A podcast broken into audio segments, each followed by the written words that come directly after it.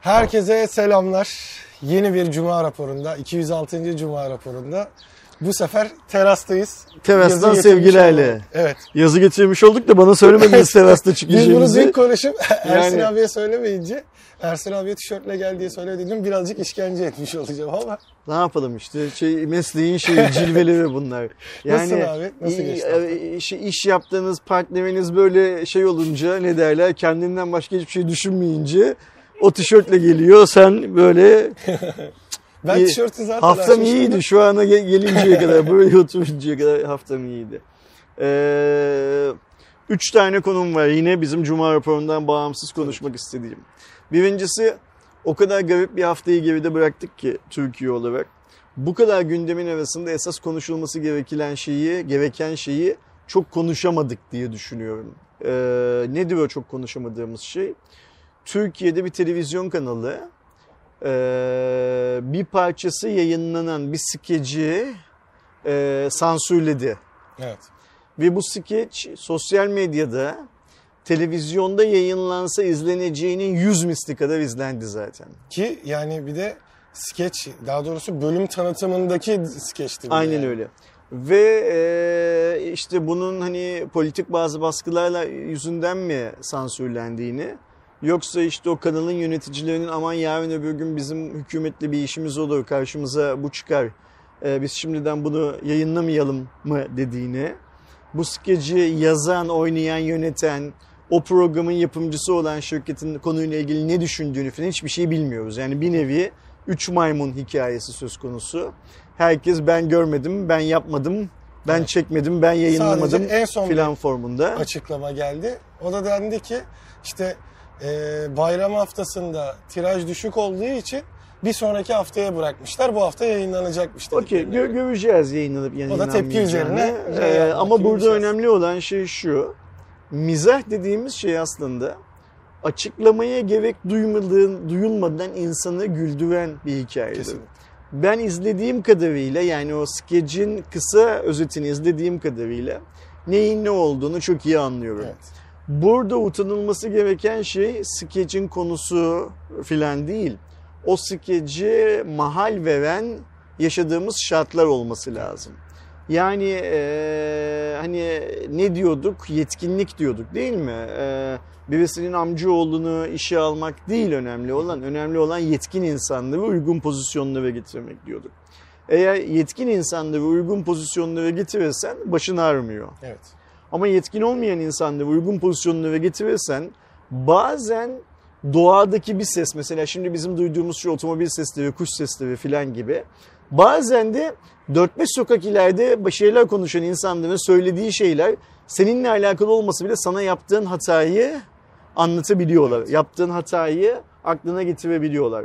Ve bu yüzden de işte e, bir skecin bir güldürü programının içindeki bir parça olan küçücük bir skecin sansüre uğraması gerçekten Türkiye'nin geldiği aşamada ne durumda olduğumuzu e, gözler önüne en çiğ haliyle şey yapıyor, seviyor.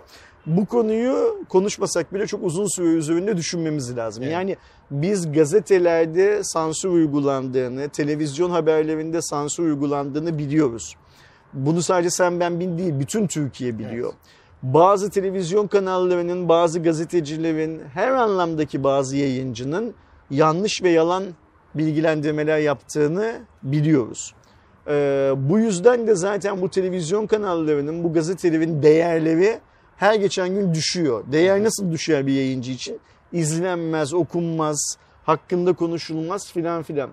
Ee, Türkiye'de konvansiyonel medya sırf bu yanlı haber yapmak nedeniyle, yanlış haber yapmak nedeniyle, taraflı haber yapmak nedeniyle bu kadar kan kaybetmişken e, bir de kalkıp bir güldüğü programı yüzünden e, daha fazla saygınlık kaybetmeye razı olunması e, bence bu ülkedeki dolar kuru kadar, adalet mekanizması kadar, insan hakları kadar, kadın hakları kadar, e, hayvan hakları kadar üzün, üzerine düşünmemiz gereken Kesinlikle. bir konu. Yani zamanında olacak Nasıl olduğu hiç önemsiz. Yani kanalın yöneticileri bir otokontrol mekanizmasıyla bunu engellemiş olabilirler. Ee, orada hicvedilen kişi kendisi engellemiş olabilir. O hicvedilen kişiyi göreve getirenler engelletmiş olabilirler hiç fark etmez. Bunun engellenmiş olması, yayınlanmasının engellenmiş olması demokrasi ve genel anlamda Türk insanının türlü türlü hakları açısından çok büyük bir şey. Ee, ne derler? Kayıp. Evet kesinlikle. Bunu cebe koyalım.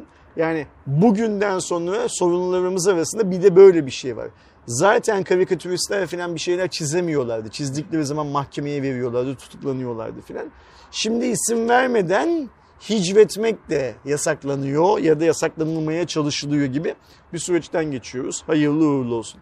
İkincisi de geçen hafta yine bu Cuma raporunda konuştuğumuz ve benim sana Get Contact yerli bir şirket mi diye sorduğum veri sızdırılma hikayesinin kahramanı olan Get Contact yerli bir şirketmiş. Nereden anlıyoruz bunu? Bizim yaptığımız programla ilgili Get Contact'ın avukatlarının EME'ye medyaya karşı aldıkları tavırdan bunu anlıyoruz. Burada tabii ki e, biz bu verileri nasıl çaldırdık konusunda herhangi bir açıklama yapmıyorlar. Sadece geçen haftaki Cuma raporundan ne kadar rahatsız olduklarını dile getiriyorlar ve programa müdahale etmeye çalışıyorlar ya. E, bana soracak olursan çok terbiyesizce bir şey. O yüzden de diyorum ki e, her ne kadar işleyişteki kanunlara uygun olsalar dahi insanların cep telefonu benim özel bilgimdir. Benim özel bilgimi başkalarıyla paylaşmaya hiçbir app'in bence hakkı yoktur. Kanun buna reel olarak uygun olmasa bile hiçbir app'in hakkı yoktur.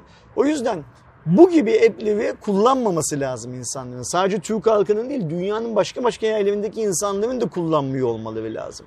Ben eğer numaramın insanlarla paylaşılabileceğini düşünüyorsam zaten operatörüme bu operatörün hangisi olduğu önemsiz. Benim numaramı listeleme hakkı veririm ve listelenir o zaman. Evet.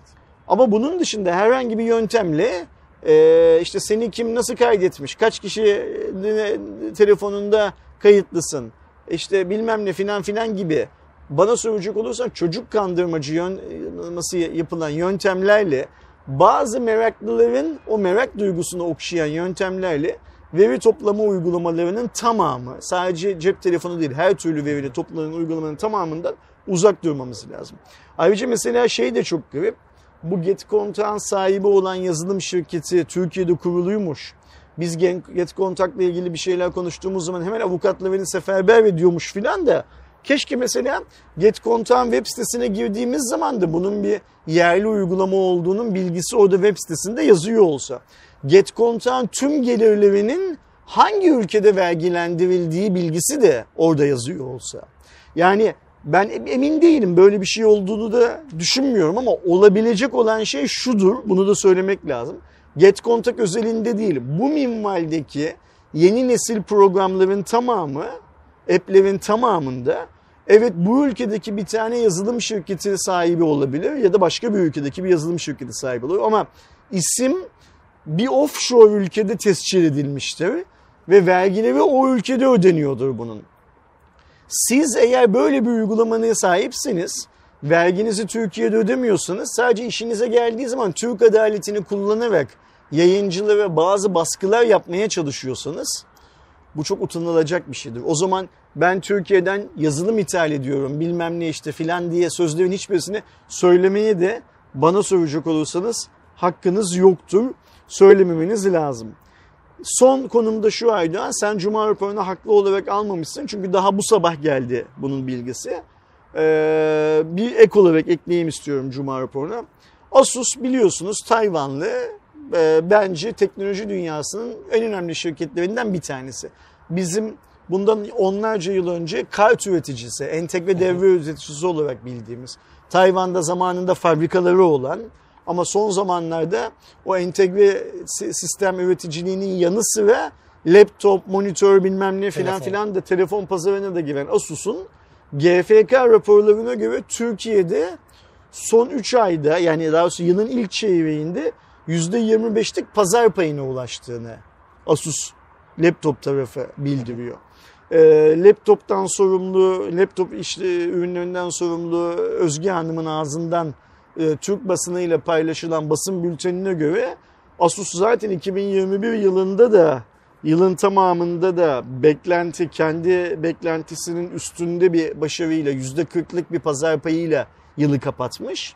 Ee, Ocak, Şubat, Mart aylarının tamamında da %25'in üzerinde. Ocak'ta %26.8, Şubat'ta %25.7, Mart ayında ise %25.1 yani ortalamada %25'in üzerinde bir pazar payıyla Türkiye'deki laptop pazarında e, lider olmuş. Bu şöyle önemli benim açımdan.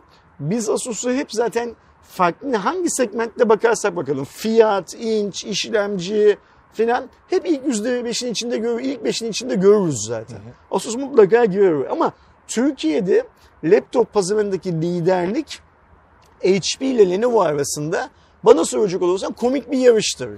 Bu iki şirketin de HP'nin de Lenovo'nun da finansal yılları birbirinden farklı olduğu için ve her ikisinin de finansal yılı Türkiye'nin e, finansal yılına uymadığı için yani Ocak Aralık olmadığı için her ikisinde de atıyorum Mayıs'ta birisi kalkar ben liderim der tüm dünyada. Türkiye'de de liderim der. Bir iki ay sonra da kalkar öbürü ben liderim der. Ve siz hiçbir zaman bunların finansal yılları birbirleriyle şey yapmadığı için, örtüşmediği için ikisi de haklıdır. Aynen. Birisi Mart'tan Mart'a, öbürü Haziran'dan Haziran'a liderliğini açıklar.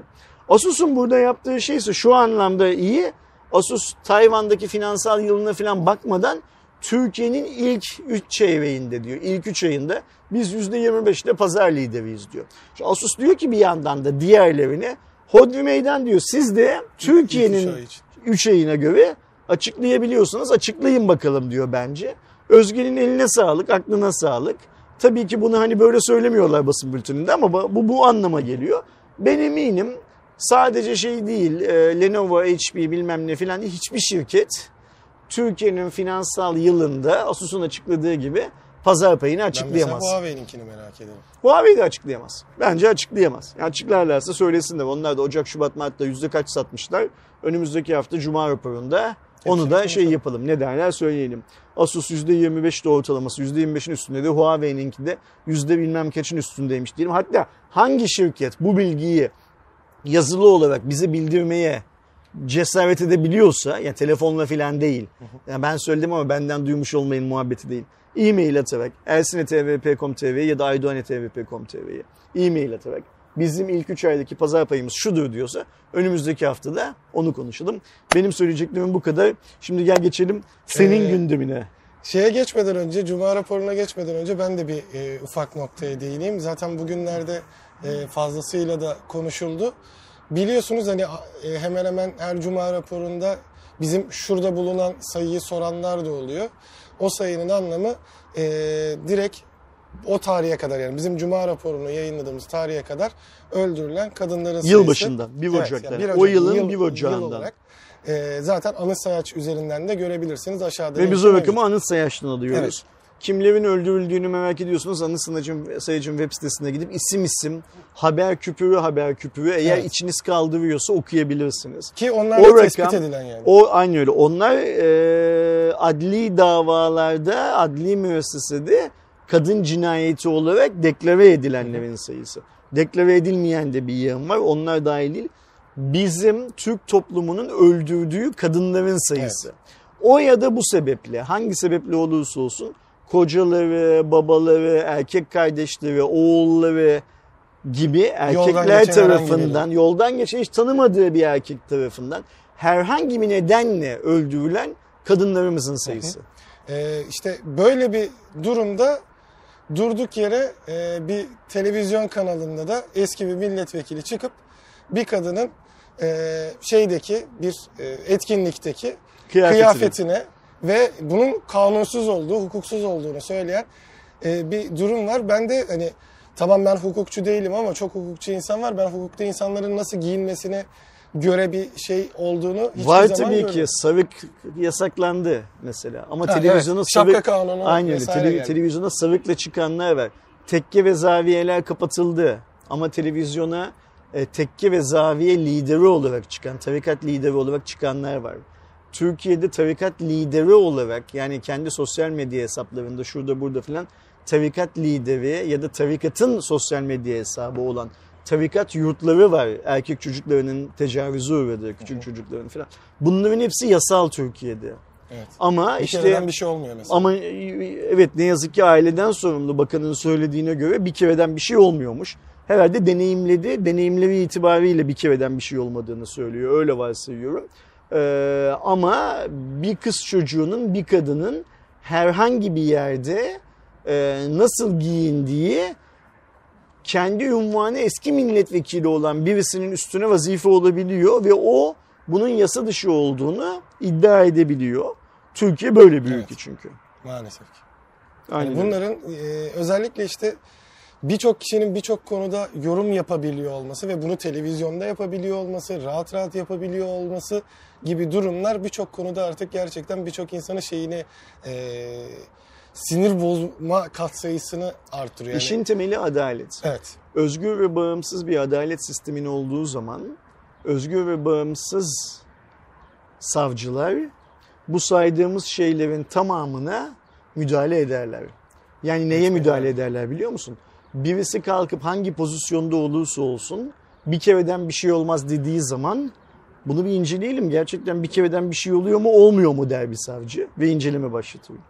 Birisi kalkıp ben bilmem ne tarikatının yurdunu şuraya açtım dediği zaman biz bu tekke ve zaviyeleri bundan 100 yıl önce kapatmıştık. Böyle bir tabelanın buraya asılması, burada böyle bir öğrenci yurdunun olması normal mi diye onu incelemeye alır savcı. Savcılık makamından va- vatandaşların beklediği şey budur. Savcılık vatan makamının birçok görevi vardır, doğrudur.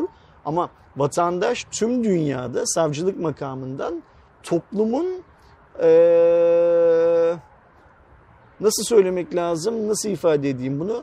Toplumun kendini rahat hissetmesini, güvende hissetmesini, huzur bulmasını sağlayacak aksiyonları almak da savcılık makamının görevlerinden bir tanesidir. Savcılık makamı bu görevi yerine getirdiği zaman da iş adliyelere akseder. Ve ondan sonra da kanunda nasıl yazılıyorsa Aynen. ona göre bu sonuçlanır. Yani hakim der ki bir kereden bir şey olmaz söylemi söylenebilir bir şey der. Beraat kararı verir. Ya da hayır bir kereden bir şey olmaz demek e, bu toplumun huzuruna çok zarar verir. Toplum barışına çok zarar verir. Ayrıca bir kereden bir şey olmaz diye de bir şey yoktur. Bir kereden de bir şey olur der. Ceza verir. Birileri kalkar derler ki ya bir kereden bir şey olmaz benim düşüncemdir. Ben bu düşüncemi ifade etmek konusunda özgür değil miyim der. Mahkemeye başvurur. Adalet sistemi onu da çözer. Sen bir vatandaş olarak bir kereden bir şey olmaz diyebilirsin bazı konularda. Bu seni bağlar der.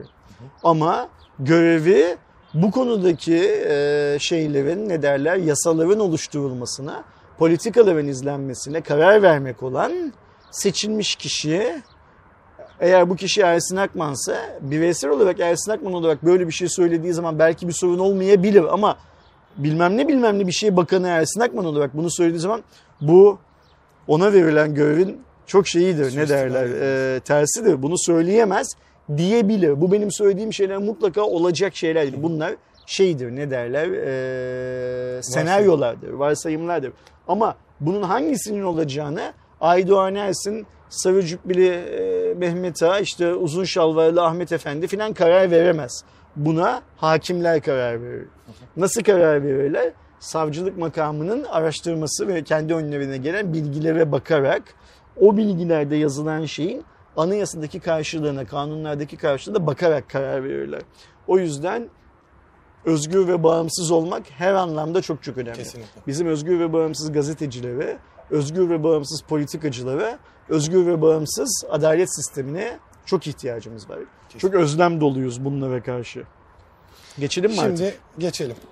Zaten hem lansmanı yayınladığımız hem değerlendirmesini yaptığımız hem de oradaki ilk bakışını attığımız Xiaomi 12 serisi Türkiye'ye geldi ama gelir gelmez de birçok eee şeye de tabi oldu. İnsanları en başta fiyatlarını tabii ki beğenmedi ama aslına bakarsanız fiyatları haberci olduğunu söyleyelim. Ben bunu yine sene başındaki General Mobile fiyatlarına benzetiyorum. O zaman o, o fiyatlar alınır mı diyorlardı. Bundan sonraki lansmanlarda zaten göreceğiz birçok noktayı. Onu da söyleyelim. Temel olarak baktığımızda 12X değil 12 ile 12 Pro geliyor Türkiye'ye. 12 özellikle tek elle taşınabilir formdaki bir amiral gemi olarak önemli bir yere sahip olacak. Pro'da özellikle 3 adet 50 megapiksel kamerasıyla gerçekten birçok şey yapılabilecek bir cihaz. Ee, 20.999 yani 21.000 Xiaomi 12, 24.999 yani 25.000'de 12 Pro'nun fiyatıyla şu anda satışta. Şey söyleyeyim 25 bin veriyorsun sana 12 Pro'yu veriyorlar 1 lira da üstüne para Evet. veriyorlar diyelim. 1 lira para üzeri de var orada. Benim bu Mi 12 konusunda değerlendirme videosunda da bahsetmeyi unuttuğum bir şey var. Buyurun. Bu arada Mi 12 lansmanının tamamı cihazların ilk elde videoları ve bizim senin sen ben Eren'in üçümüz birlikte Bir çektiğimiz de değerlendirme videosu Cyberdog'la beraber o da var haklısın o videoda. Ee, üç video kanalda var zaten merak eden izlesinler. Değerlendirme videosunda söylemeyi unuttuğumuz şey şu. Bu iki cihaz için Xiaomi 3 Android güncellemesi veriyor. Hmm. Ee, yani Samsung'un açtığı yolda hep şey diyorduk ya diğer markalar da bunu takip ederse bunun bir değeri var. Sektöre bir kazancı olacak Samsung'un yaptığı hikayenin diyorduk. Xiaomi sadece bu cihazlarda amiral gemisinde bile olsa başladı. Hatta şunu da söyleyelim. Zaten bir sonraki konumuz da olacak. Ee, Google I.O. etkinliğiyle Android 13 betası da başlayınca şu an Xiaomi 12 12 Pro'da betaya kaydolabiliyorsun. Aynen öyle. Ee, bunun darısı diğer markaların başına. Kesinlikle. Darısı diğer orta segment telefonların da başına. Yani bir yerden başladıysa bu tüm ailelere ister istemez gelecektir. Evet. Şey 3 Android güncellemesi. O anlamda sevindirici bir şey. Hani bizimki belki, biraz böyle züğürt tesellisi gibi oluyor ama en azından hani bir faydasını görüyor muyuz? Evet görüyoruz. Bu Evet. işler düzeliyor diyelim ve hadi gel Google'a geçelim. Google'ın da I.O. etkinliği gerçekleşmiş oldu. Burada da aslında yazılımsal tarafta çok fazla yenilikler vardı. İşte asistana yeni eklenen diller, Google Maps'te yeşil rota diye artık enerji verimliliğinin arttığı, daha doğrusu yakıt tüketiminin en az olduğu rotayı size gösteren e, rota geldi. Aynı zamanda işte bu Street View dediğimiz gezintilerde restoranın vesaire özel yerlerin içlerini görme özelliği geldi ama donanım bazında da Pixel 6a geldi ve Pixel 7, 7 Pro'nun sadece e, geleceği söylendi tasarımıyla beraber. Pixel Buds tanıtıldı. Pixel e, en çok beklenen Pixel saat ve tablet de orada duyurulmuş oldu ama tablet 2023'te gelecek o sadece bahsi geçti. Saatinde tasarımını görmüş olduk. Bir de yeni gözlüklerini de şöyle bir demo olarak gösterdiler. Benim esas beklediğim şey şu WhatsApp entegrasyonu ile ilgili bir şey duyurmalarıydı. Biliyorsun bundan bir süre önce iOS'tan Android'e, Android'den iOS'a geçişte WhatsApp'ı artık taşımak için başka bir aracı ihtiyacınız olmayacak diye bir duyuru Bir yaptı. Sadece Samsung tarafından. Sadece geldi. Samsung tarafında tek yönlü galiba Evet. çalışıyor şu anda. Benim beklentim Google I.O. 2022 ekle- etkinliğinde bunun iki yönlü birden tüm modeller için e, kullanılabilir hale geldiğinin duyurusunun da yapılmasıydı. Ama niyeyse yapmadılar. Evet. Hala Samsung'a özel bir servis olarak devam edecek ve hala tek yönlü olarak Evet. çalışacak. Artık umutlar kaldı 2023'e bir yıl sonraya. Onun dışındakilerin hiçbirisiyle çok fazla ilgilenmedim zaten. Onu da Sadece söyleyelim. işte Pixel 6 iyi güzel de hem de 450 dolar ama yani ben şeyi de beklerdim. Tensörle ilgili bir günah çıkarmalarını da beklerdim. Yani neleri iyileştirmeyi planlıyorlar yeni Ya tensör onunla şeylerinde. alakalı sadece işte Pixel 7 ve 7 Pro'da yeni tensörün olacağı söylendi ama herhalde daha hazır değil diye herhangi bir bilgi vermekten çekindiler. Onu da Eylül ayında duyacağız. Bir Ama ba- Heh, devam Pixel edelim. 6a'da da tensör olması yani aslında ben de işte Eren'le çektiğimiz videoda da onu söyledim. Pixel 6a iPhone'un SE'si gibi ama çok daha iyi bir durumda çünkü formu aynı telefon gibi. Ya da Samsung'un işte FE diye duyurdu böyle ucuz amiral gemisi şeyindeki en mantıklı şeyi tercih etmiş Google. En mantıklı ha- halini sunmuş bize. Ee, haftanın bir başka lansmanı da Sony'den geldi. Sony Xperia yani cep telefonunda yeni cep telefonunun lansmanını yaptı. Global Xperia 1 lansmanını. Mark 4, evet. Xperia 1 Mark 4 Evet. cihazın adı. Okey tamam. O alfa kameralardaki mark şeyini e, telefona da Ve getirerek satış yani. fiyatı 1400 euro olan bir cep telefonundan Bunu konuşup geçebiliriz. Artık yani yani bu- buradan kendimizi aşağı dağıtabiliyoruz. Dördüncü kattayız Yani şu anda. bizim ya bütün dünya için yine çok pahalı bir cihaz. pahalı. Herkes bundan bahsediyor ama Sony zaten artık Dünya için benim için küçük, dünya için büyük bir adım hikayesi yok. Evet. yani. Bu herkes için pahalı. Ya sadece artık şey olmaya başladı. Yani Sony bunu teknoloji şovu olarak sunuyor gibi bir durumda. Tabii ki satın alanlar var, kullananlar var.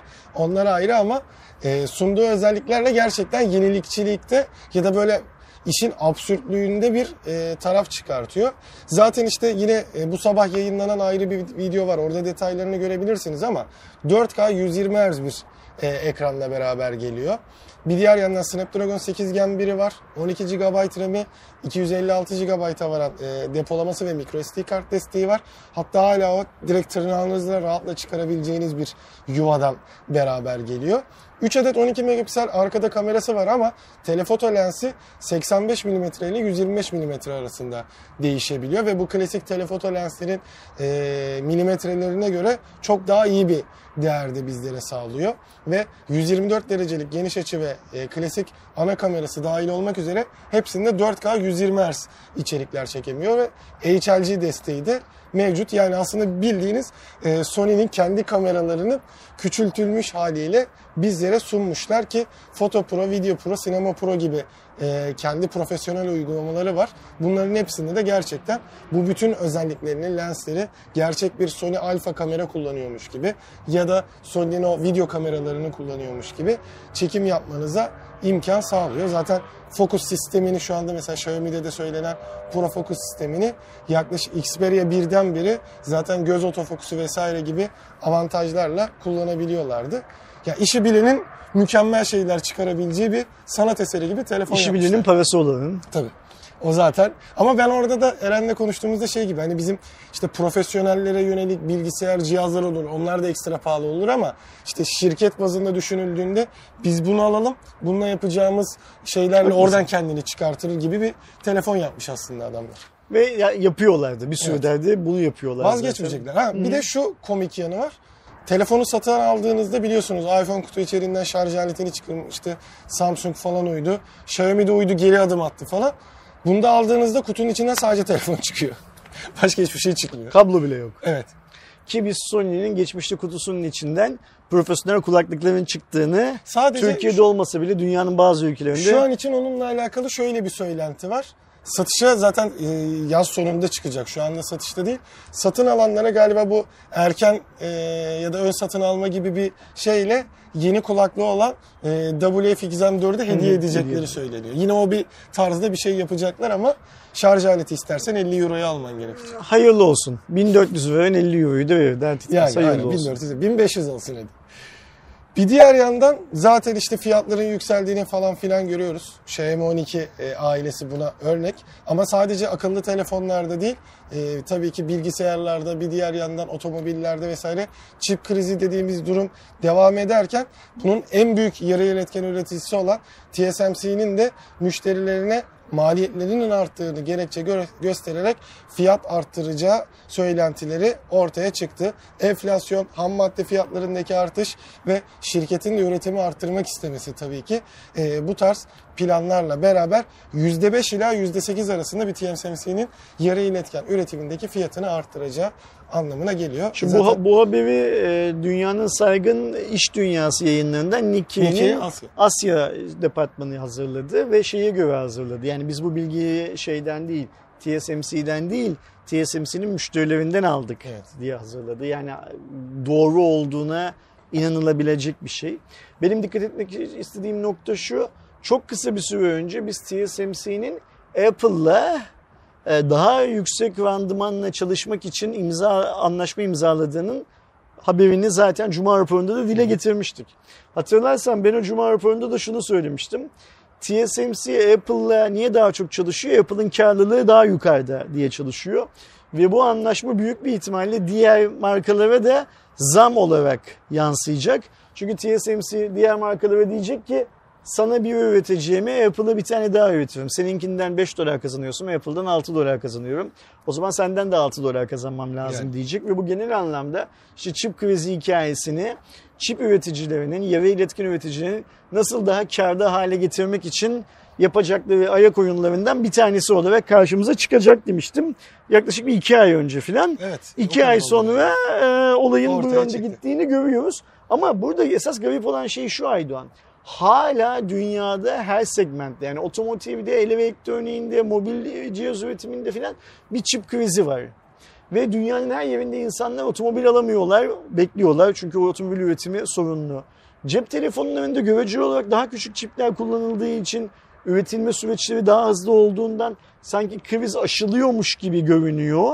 Ama fiyatlar yükseliyor. İşte kaynağı bu. Yani niye telefonlar pahalanıyor? Çünkü e, Tayvanlı TSMC artık daha karlı çalışmak istiyor. Ee, ve yani bu işin şeyi yok. E, durdurak noktası yok. Bu çünkü e, ne yazık ki kıta Avrupa'sında bir çip üreticisi yok. Kıta Amerika'sında yani Amerika Birleşik Devletleri'nde bir çip üreticisi yok. Kıta olarak baktığımız zaman da Kuzey Amerika'da da yine bir çip üreticisi yok. Sen bu konuda Çinlilerin eline kaldığın zaman Çinliler hani derler ya fare insanın kulağını üflüyor üflüye yer hissettirmezmiş uykusunda filan diye.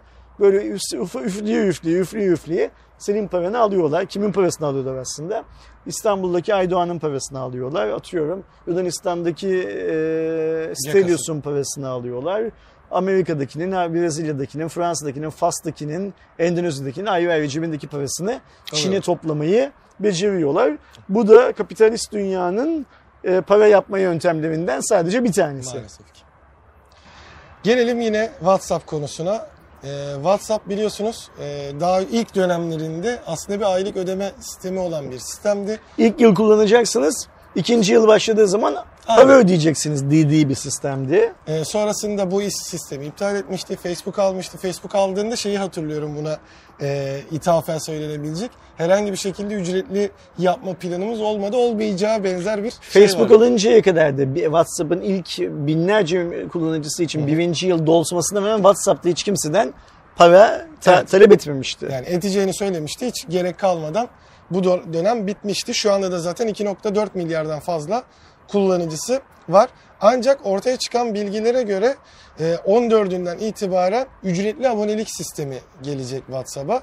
Ben bunu ilk duyduğumda şey sanmıştım hani e, birçok e, sosyal medya platformundaki gibi hani ücretli olarak iletişim kurabileceğin telefon numaranı vermeden vesaire gibi bir şey sanmıştım. Aslında öyle bir şey değil.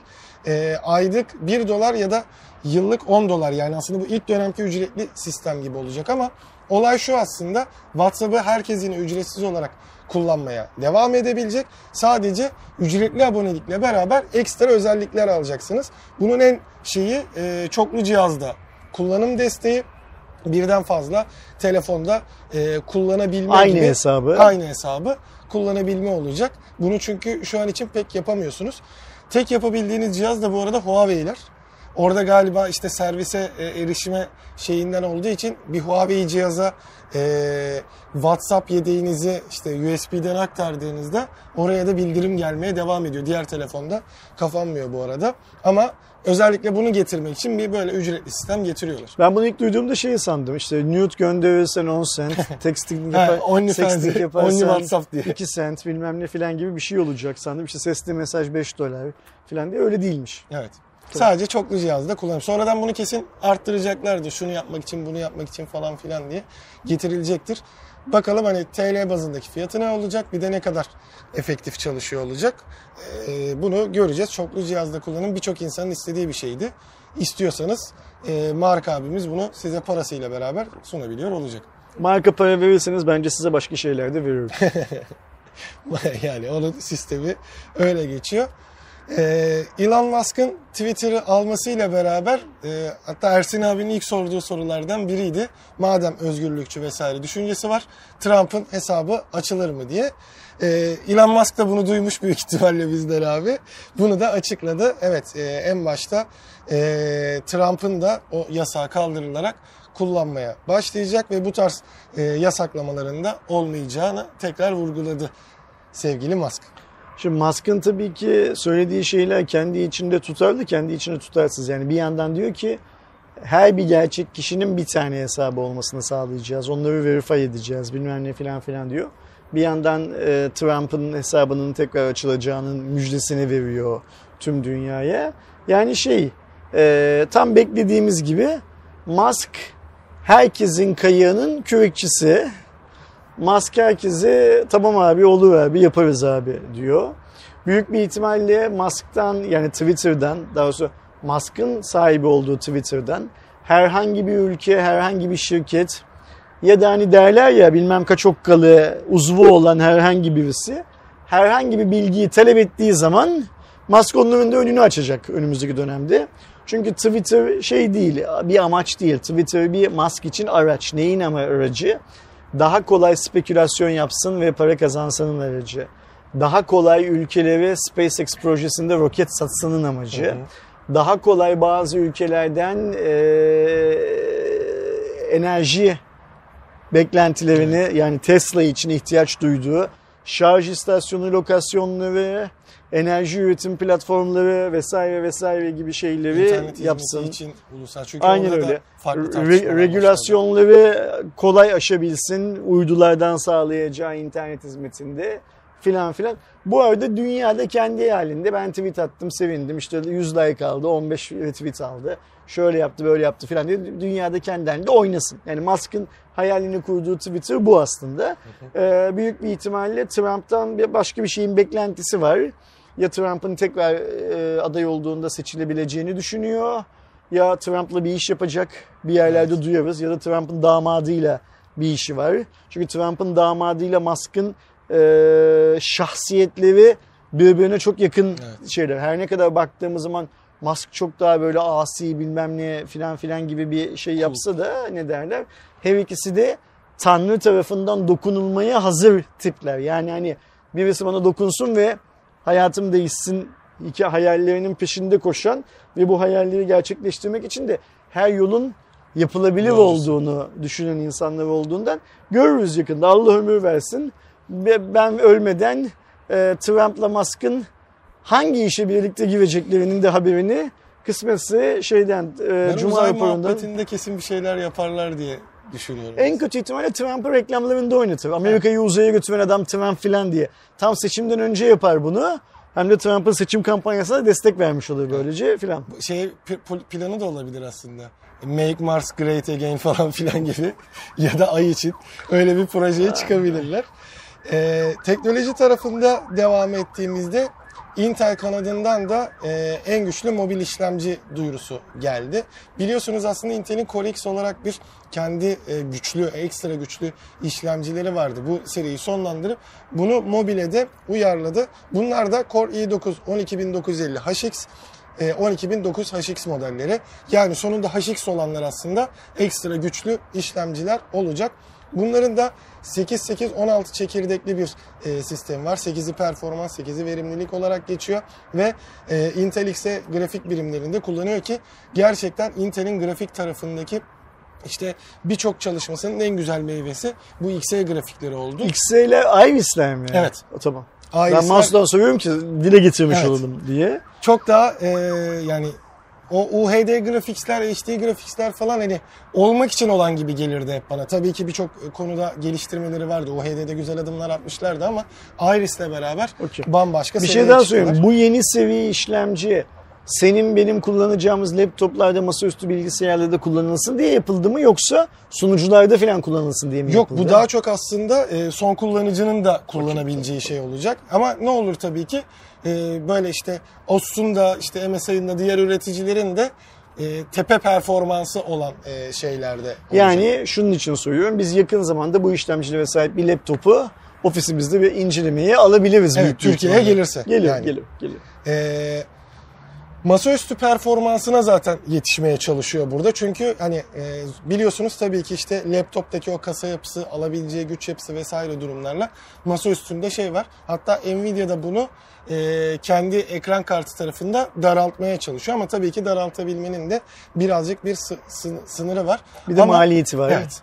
Ama gelişen işte çip teknolojileri vesairesiyle beraber bunu baya yakına getirdiklerini e, söylüyorlar. vPro vesaire, vesaire desteği de var. PC Express 5.0 e, desteği de bunlarda yer alıyor ve 128 GB'a kadar da 5200 MHz'e kadar RAM desteği de olacak. Gen 4 SSD vesaire de desteğini olduğunu söyleyelim. Zaten kendimiz ilerleyen dönemlerde Ersin abinin de bahsettiği gibi göreceğiz. Ekran kartı kanadında ise e, AMD'nin de Radeon RX 6950X'te, 6750X'te ve 6650X'te ekran kartları tanıtıldı. Bunlardan birinin e, yakın zamanda e, bizim tarafta da e, videosu gelecek.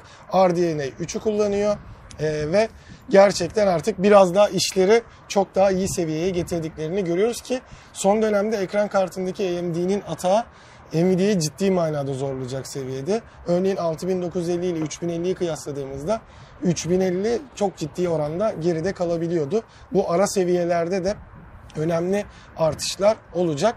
Ee, gerçekten e, önemli e, işte band genişliğinde 18 gigabit bölü saniyeye %12,5 civarında bir artış vesaire gibi e, farklı özellikler var. Bunların detaylarına da dediğimiz gibi incelemede vesaire geliriz. Ama hani 3000 serisinde 3090'ı, 3070'i, 3080'i zorlayabilecek hatta fiyat denge bazında yine AMD'nin lehine olacak bir durum olduğunu da söyleyelim. Şimdi burada iki tane güzel şey var.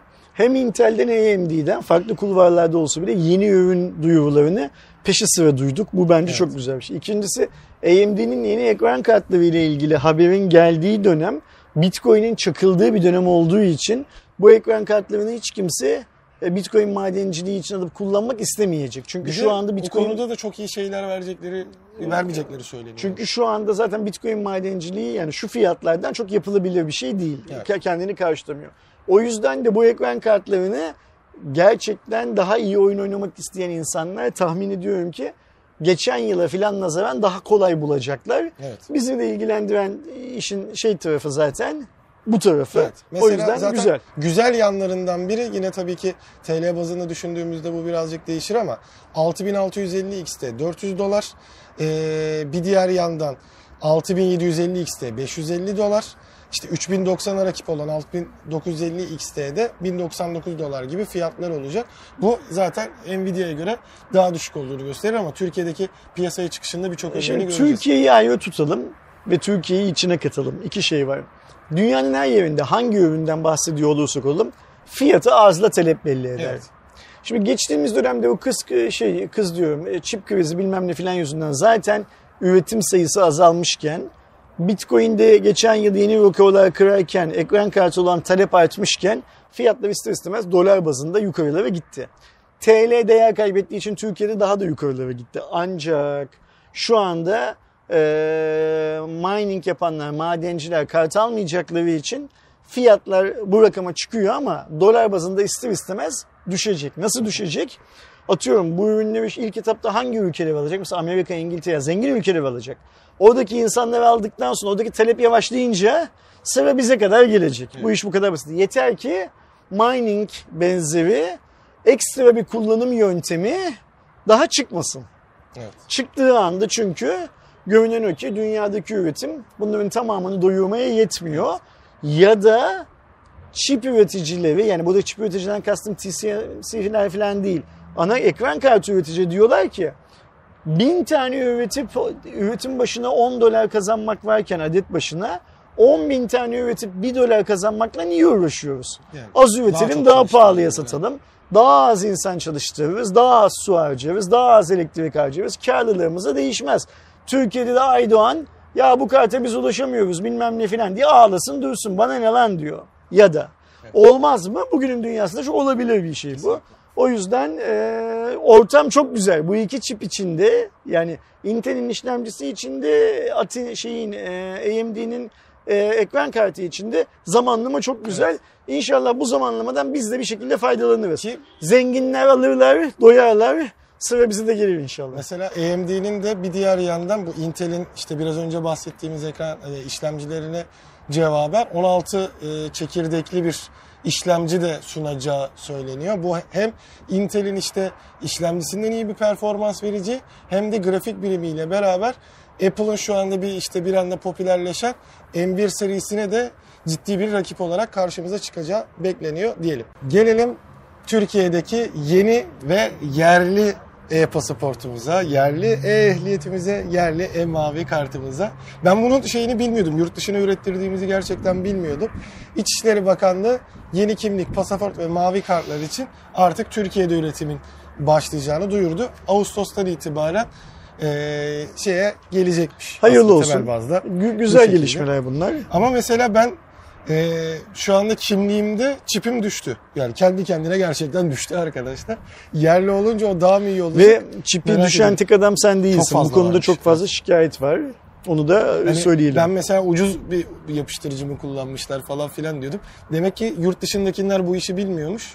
İçişleri Bakanlığı da artık... Yo yo şey üretilsin. Türkiye'de üretilmesi iyi bir şey bunun. Tabii yani, ki. hani bu bir- arada şey detayı da fark edildi. Ee, işte çipli sürücü belgelerinde de aslında tarz olarak aynı olsa da bir iki detay eklenmiş. Mesela sağ altta durulan duran araba detayı TOG yapılmış abi. Hmm, güzel. Toga silüetiymiş. Güzel olsun. Yani bu bunlar da güzel şeyler, detaylar. Yakışır, hayırlı olsun. Önemli olan Türk halkının cebinden yani sonuçta bu ehliyetler için biz bir para veriyoruz alırken ya. Evet.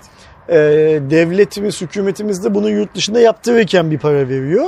Arada gördüğü anladığımız kadarıyla devletimiz bu işten bir kar da ediyor. E, onu engelleyemeyiz kar etmesini. Ama Türkiye'de ürettiği zaman daha ucuz üretilirse karlılığını arttırabiliriz belki devletimizin.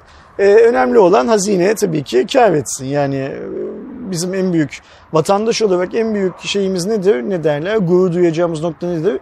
Ben şu kadar vergi verdimle gurur duymalıyız aslında.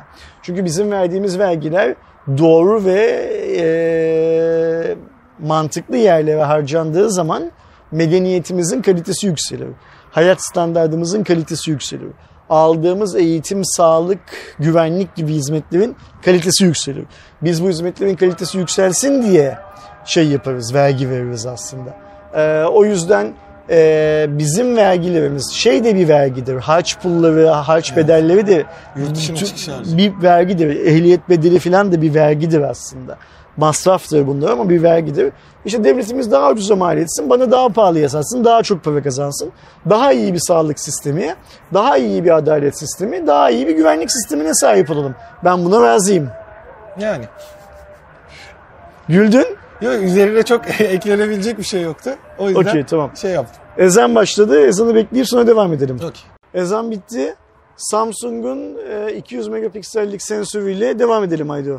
Tamamdır abi. Zaten 200 megapiksellik sensör aslında ilk e, Samsung tarafından duyulmaya başlandı ama Nokia'nın da ve e, farklı markaların da bu tarz çalışmaları olduğu söyleniyor. Biliyorsunuz bu piksel savaşlarında en son 108 megapikseli görüyoruz ve e, markaların orada bir kendi arasında çelişkisi var. Bazıları diyor ki tabii ki daha büyük megapiksel daha iyi ama birçok markada 12 megapikselle beraber gayet iyi şeyler çıkarabildiğini gösteriyor. Herkes kendi elindeki malı allayıp pulluyor. Evet.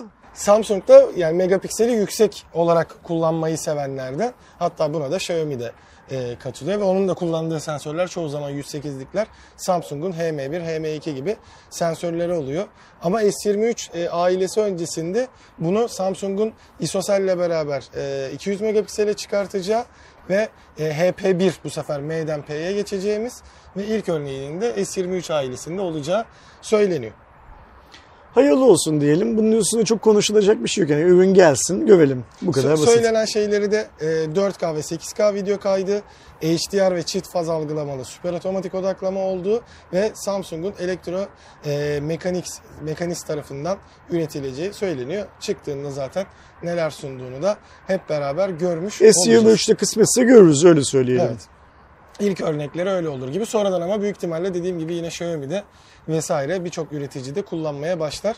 En azından mesela Nokia'nın falan da üretecek olması kıyaslama açısından bir değer teşkil eder diyelim. Diğer yandan Netflix'in tabii ki birçok rakibi çıkmaya başladı. Bunlardan biri de TRT olacağı zaten önceden bir söylenti vardı.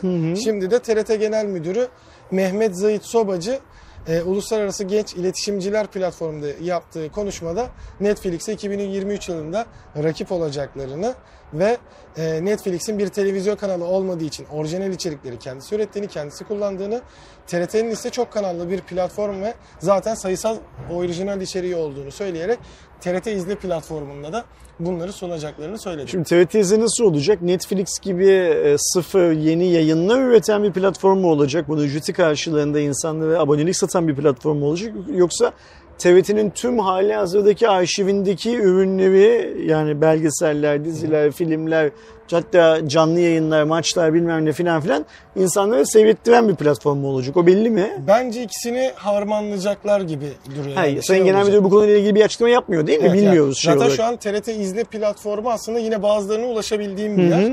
Ama anladığım kadarıyla hani Netflix'e rakip olacak ve orijinal içerik e, konusunda diyorsa büyük ihtimalle oraya özel de içerikler Anladım. üretmeye E başlayacak. bu güzel bir şey yani biraz önce şeyde söylediğimiz gibi bu hani pasaportta falan söylediğimiz gibi sonuçta e, Netflix'e falan yurt dışına para veriyoruz. Amerika'ya buradan para transferi yapıyoruz. TRT'ye de veriyoruz zaten. Netflix'in e, nasıl? TRT'ye de veriyoruz zaten. Hani. Ama işte para transferi yapmıyoruz Ha, Amerika'ya. ba- Para bandrol falan filan öderken bilmem ne Ee, verirken. eğer falan. hani bu Netflix'in dizilerinden şikayetçi olan varsa ki to, yapılan konuşmalardan anladığımız kadarıyla birçok insan işte ben bu uyuşturucu kullanımından, eşcinsellikten Aynen. bilmem neden falan şikayetçiyim diyor.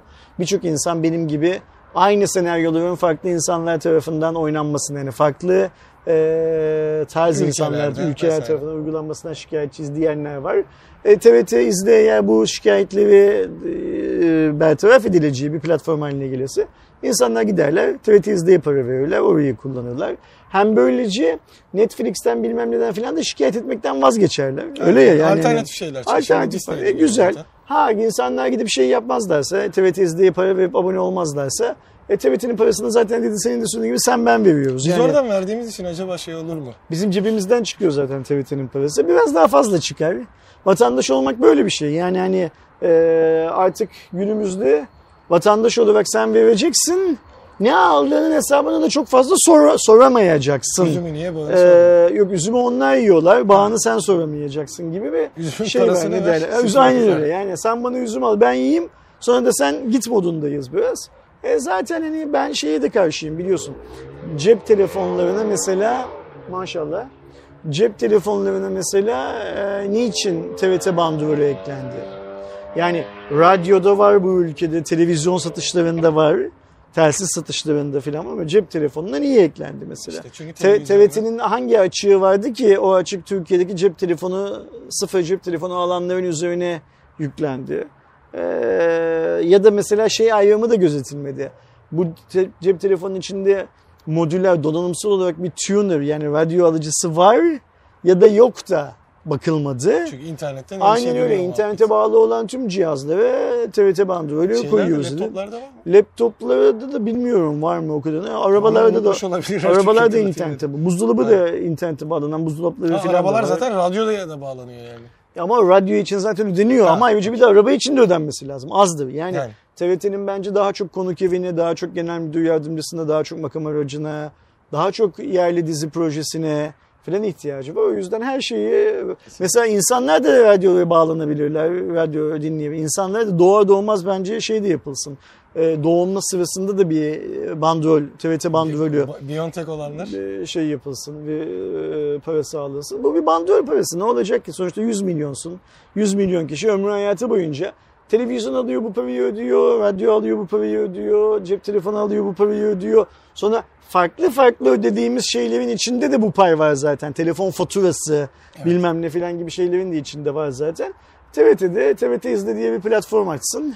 İzleyelim, mutlu olalım, mesut olalım. Hayat bayram olsun filan yani. yani. Tek derdimiz bu Aydoğan. Başka bir derdimiz yok bizim zaten. Doğru. İşin bilimsel kanadına geçtiğimizde biliyorsunuz... Ne yani bu söylediğimiz şeyler bilimsel değil, bilim değil miydi?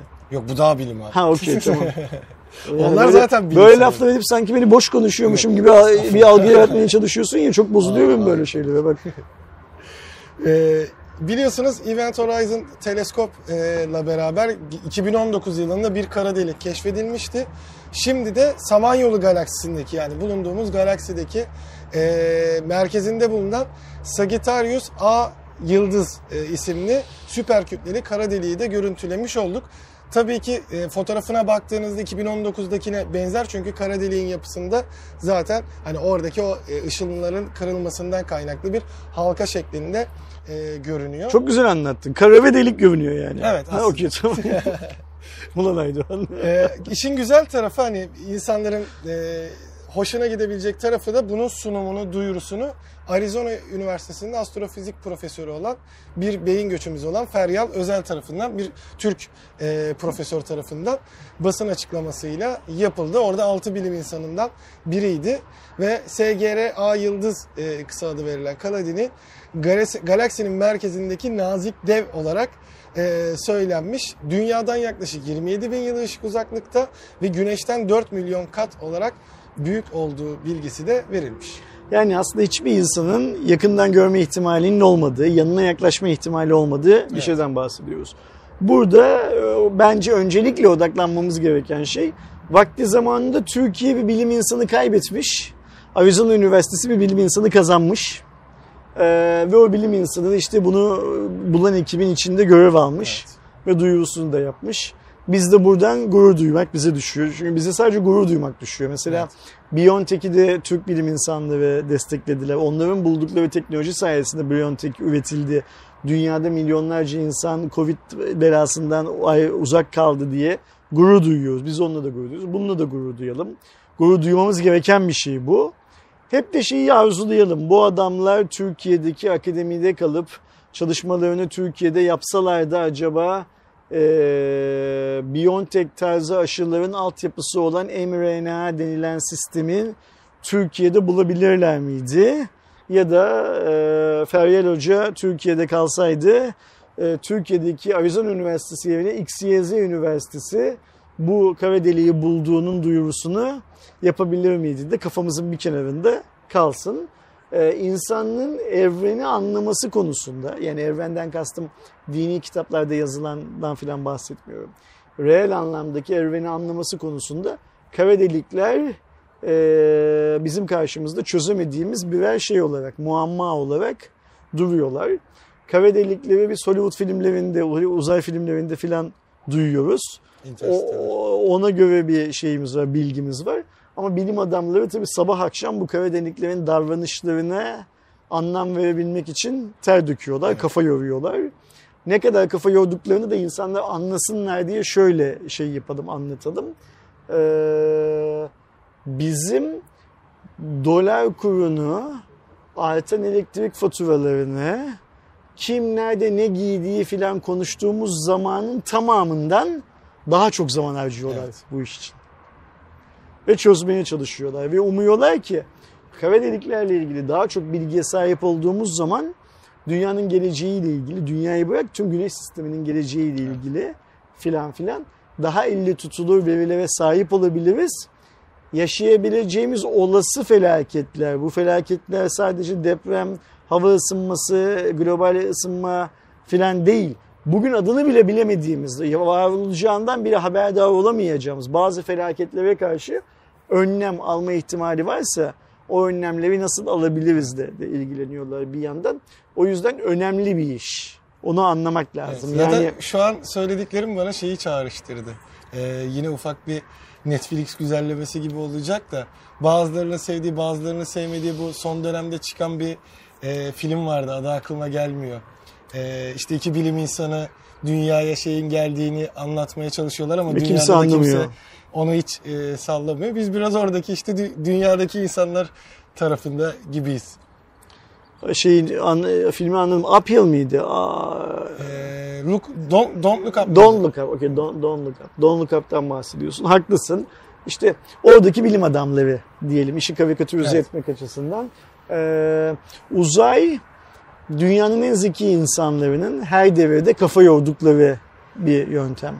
Biliyorsun Hawkins'in de uzayla ilgili çalışmaları norm olarak kabul ediliyor şu anda. Niye? Çünkü daha ayağı yere basan, daha doğruluğundan emin olunan başka çalışmaları henüz yapacak zekaları analar doğuramadığı için.